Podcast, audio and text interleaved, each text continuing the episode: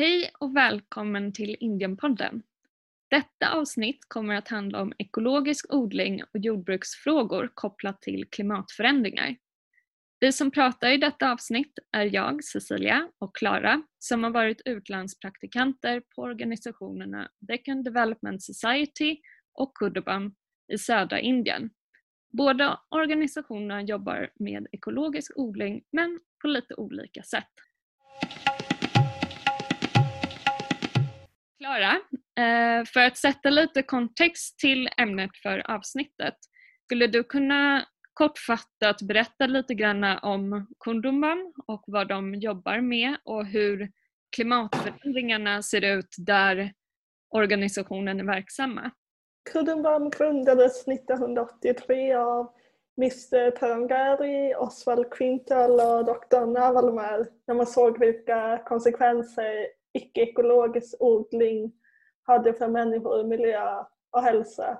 I början jobbade de med community forests men sedan 1990 fick de stöd från Svalorna var partner till Svalorna fram till 2009.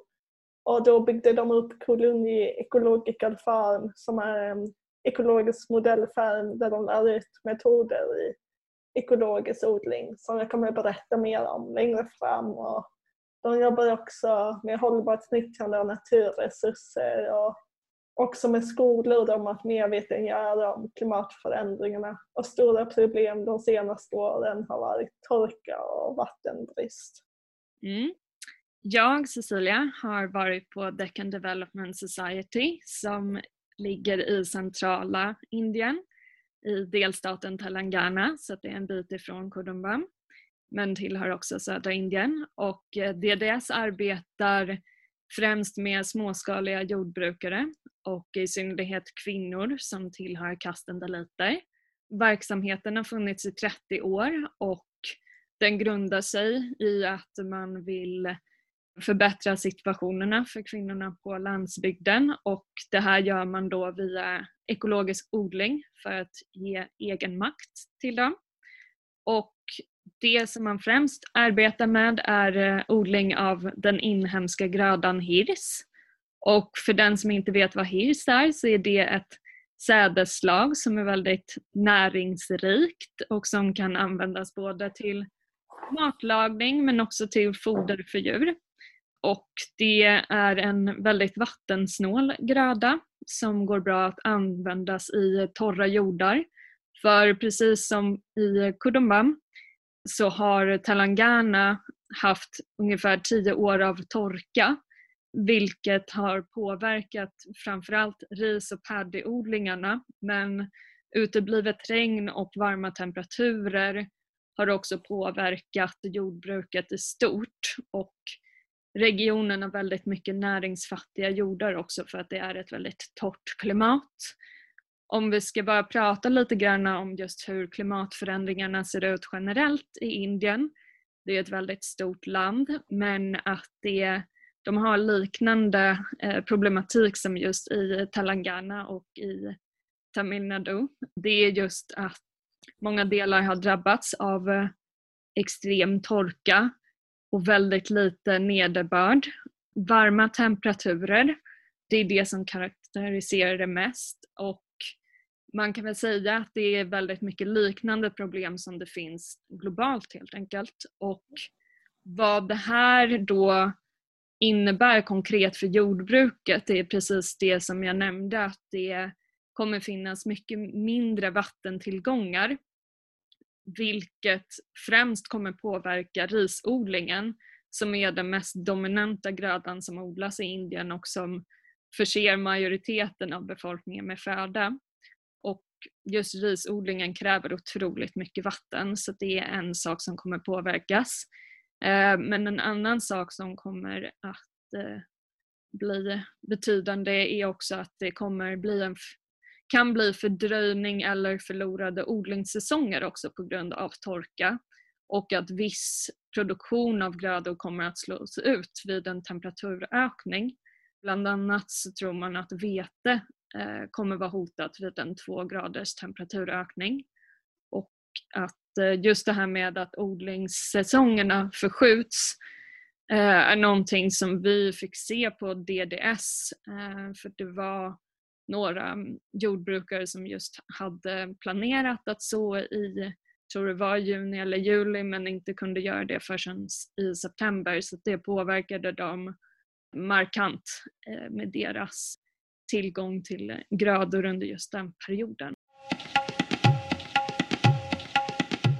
Hur pratade man om klimatförändringarna i förhållande till organisationens arbete där du var, Klara? Det handlade mycket om hur det påverkade och också vikten av hållbarhet och att göra delstaten grönare. Och jag var med på flera av träningarna och en var det kvinnliga horticulture-studenter. De studerar läran om miljö, natur, ekologi och mat och jordbruk. Och då pratade vi mycket med dem om klimatförändringarna. Och det handlar också om vad man odlar. Vi kommer längre fram gå närmare in på olika metoder som är motståndskraftiga. Det handlar om hur man odlade och som Cecilia nämnde, torkan och man pratade mycket om klimatförändringarna och att man ville ha volontärer för att de skulle förstå hur klimatförändringarna påverkar Indien. Mm. Lite liknande tankar eh, på DDS att eh, framförallt generellt sett i den dagliga verksamheten så pratades det ur ett kortsiktigt perspektiv mycket om så här, ah, här och nu, vad är det för något väder och hur påverkar det den aktuella skörden? Så att det var mycket sånt fokus men också just på ett långsiktigt perspektiv att man såg ändå att de aktiviteterna som man har är någonting som kan bidra till en positiv förändring. Men att det här var någonting som just organisationen ville lyfta mer och framförallt att göra så att jordbrukarna själva blev medvetna om hur, hur bra de odlar med sina traditionella metoder. Eh, så att det var någonting som man lyfte under Biodiversity Festival som var i januari i år som är en årlig eh, festival eh, som vandrar runt i byar och där man pratar om bio, biologisk mångfald i jordbruk. Och där visade man delvis en video om eh, klimatförändringar som var väldigt bombastisk och mycket dramatiska scener och sådär. Eh, för att man ville just stärka budskapet just att det här är ett hot, det här är här och nu och hur viktigt det är att liksom vara motståndskraftiga mot det här och just att integrera ett biologisk mångfald i, i jordbruket. Och att eh, de här metoderna som de använder som vi ska prata lite mer om, det är ingenting som är nytt. Det är ju sånt som har funnits väldigt länge. Det finns en lång tradition av att odla på det sättet i Indien. Och att i förra året, 2019, så vann kvinnorna, eh, de kvinnliga jordbrukarna i DDS, eh, de vann ett pris som heter Equator Prize som delas ut av eh, FNs utvecklingsprogram. Och de vann det här priset med motivationen att de med sina insatser i jordbruket delvis inte bara minskar fattigdomen i regionen utan också jobbar med metoder som står emot klimatförändringarna och som kan bidra till en positiv eh, förändring på andra ställen också och till inspiration. Så vad finns det för odlingsmetoder som är motståndskraftiga eh, i ett förändrat klimat? Vad, eh, vad, fick, finns... vad fick vi liksom se när vi var ute i fält? Det finns väldigt många metoder. Ja. Kudenbaum har jobbat med träningar i ekologisk odling under 30 års tid. Dels på modellfarmen men också i närheten. Men framförallt är det att arbeta mycket med naturliga bekämpningsmedel och gödsel. För de pratade mycket om hur det konventionella jordbruket försämrade hälsan och hur det är ett hot mot miljö och jordarna och mot människors hälsa. Ungefär 60 000 människor beräknas dö och bli förgiftade av icke-ekologiskt jordbruk. Och under 50 års tid med den gröna revolutionen så sabbades jorden ganska mycket men Kudumbamu arbetar framförallt med naturliga bekämpningsmedel såsom jordar av kourin, kodynga och örter som ingefära och vitlök. Och jag tänkte också på hur viktiga korn är. I Sverige tänker man ofta, ser man oftast korn som ett problem med alla utsläpp men i Indien där kon är helig använder man resurserna från kon på ett mer hållbart sätt och integrerat sätt i jordbruket. Mm, jag kan inte annat än hålla med. Det märktes också väldigt mycket i DDS hur central kon var på många sätt i jordbruket. Att man använde ju allt man använde just eh, kourin för eh, skapa gödsel eh, men också att man använde alltså, kobajs också till eh, att eh, gödsla och ha ner i jorden för att få mer, mer näring också där. Så det är verkligen en central del i det hela. Jag tänkte på en annan sak som eh, DDS pratade väldigt mycket om just för odling i ett förändrat klimat och just så här, vikten av just samodling av växter vilket är det som kan bidra till biologisk mångfald delvis och eh, det finns ju många saker som är fördelaktiga med att eh, samodla men jag tänker ta dra igenom några utav dem. Och en grej, det är delvis att om man samodlar olika växter tillsammans, eh, då är det väldigt bra för rötterna i marken. Delvis för att vad heter rötterna sträcker sig ner i olika nivåer. Och det gör att vad heter det, rötterna tar upp vatten från olika ställen i jorden vilket är väldigt fördelaktigt på ett ställe som Telangana eller Tamil där det kan vara vattenbrist. Och till skillnad då när man odlar med bara en gröda, vilket kallas monocropping, där är ju alla grödor likadana och då kommer rötterna ner på samma nivå vilket innebär att man använder samma vatten. Så det är en, en sak som är bra med samodling av olika växter. Eh, men en annan sak är också att de här växterna kan liksom som påverka varandra så att de ger näring eh, mellan sig och sådär och att till exempel blad från en växt som faller ner till marken kan tas upp av någon annan och så vidare.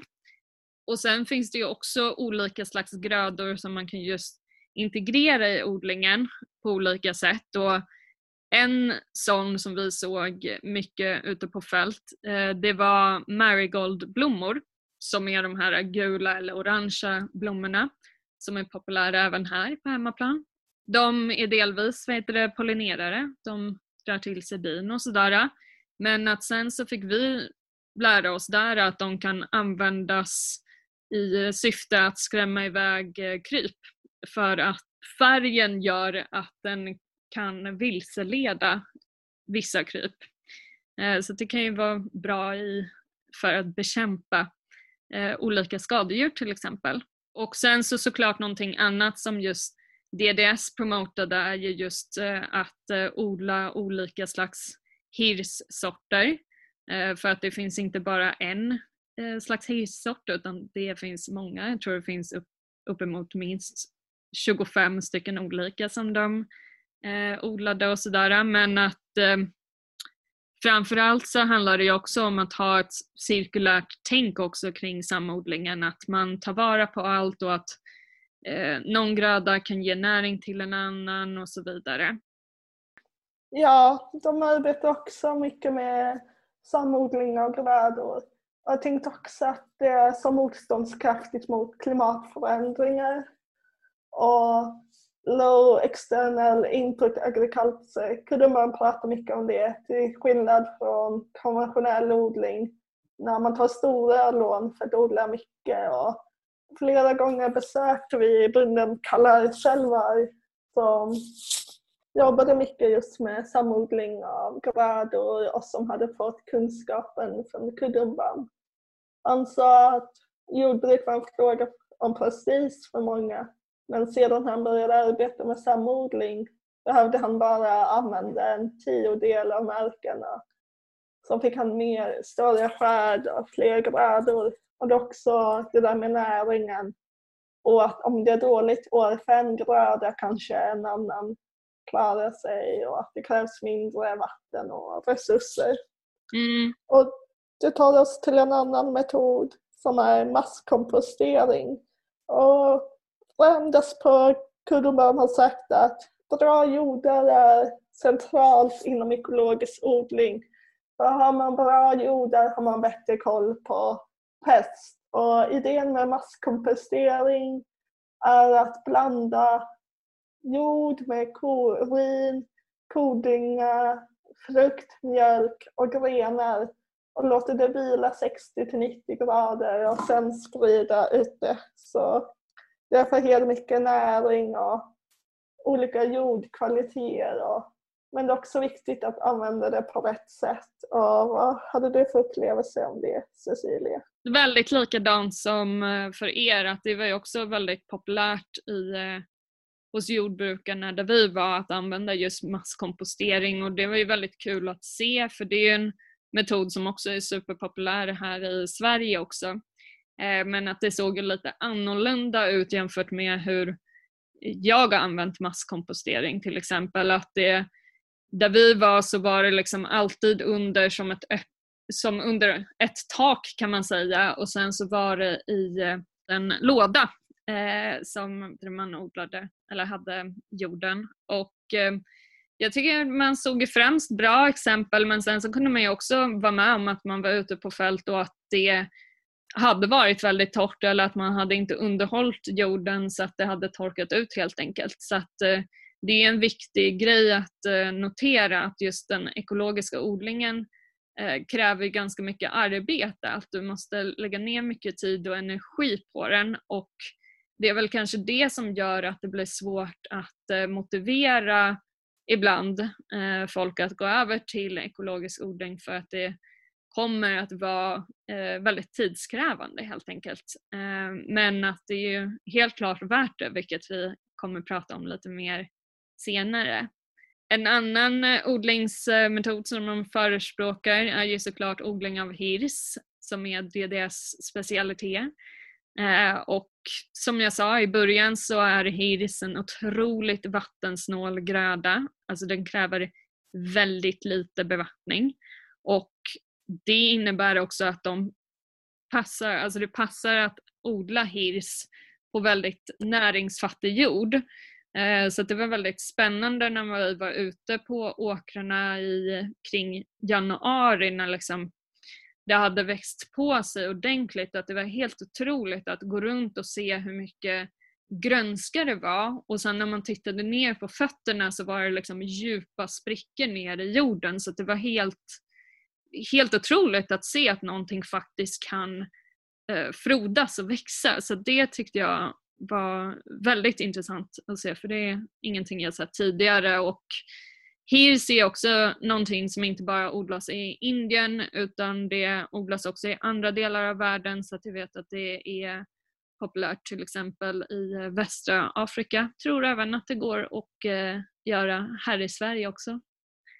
Och på Kutumban um, arbetar de också lite med Hish, men inte lika mycket som hos S. Men de arbetar också med traditionella rissorter som inte kräver lika mycket vatten och som är salttåliga.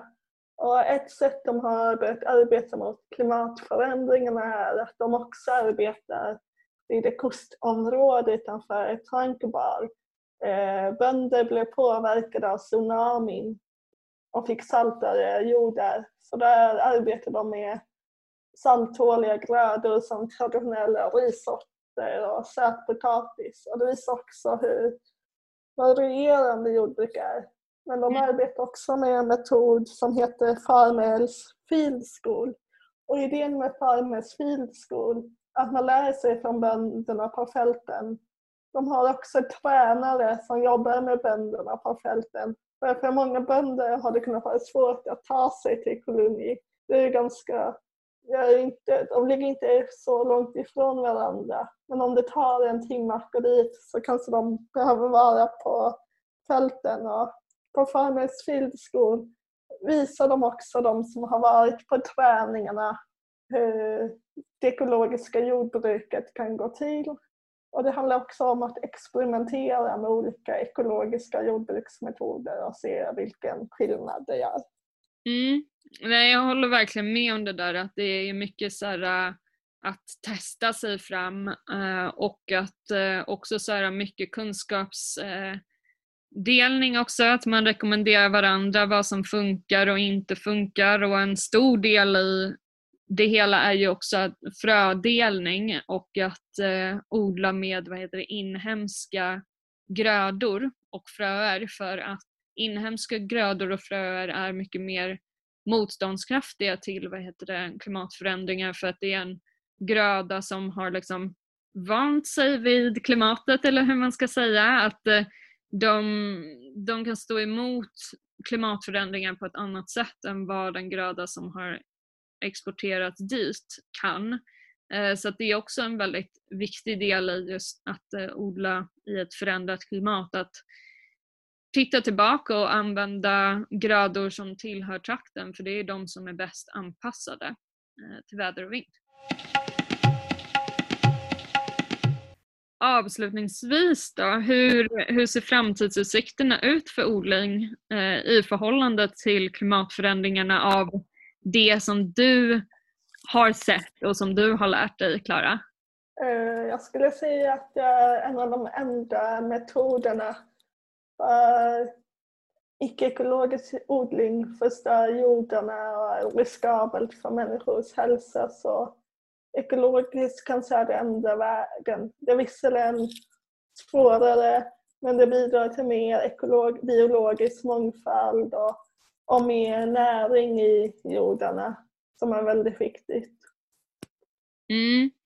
Nej, jag håller med. Alltså, det är ju någonting som eh, alla sa också när vi var, med alla menar jag de kvinnliga jordbrukarna när vi, när vi var ute på fältet, att de sa ju liksom att ekologisk odling är vägen framåt och att det är någonting som de också har använt hur länge som helst så att de vet att det är en metod som funkar och framförallt så pekar man ju också på att det är ju liksom till förhållandevis väldigt små medel som behövs för att eh, kunna bedriva den här odlingen vilket är väldigt positivt för målgruppen då det är många som inte har kanske så mycket eh, resurser när det kommer till pengar och lån och sådär. Så att även om det kanske kan vara kämpigt som jag nämnde lite grann med att det är mycket arbete och att det är mycket underhåll och sånt där så är det ju någonting som också funkar om man gör det gemensamt och att man gör det med gemensamma krafter. Att det inte bara är en som odlar ekologiskt utan att det är flera stycken och att man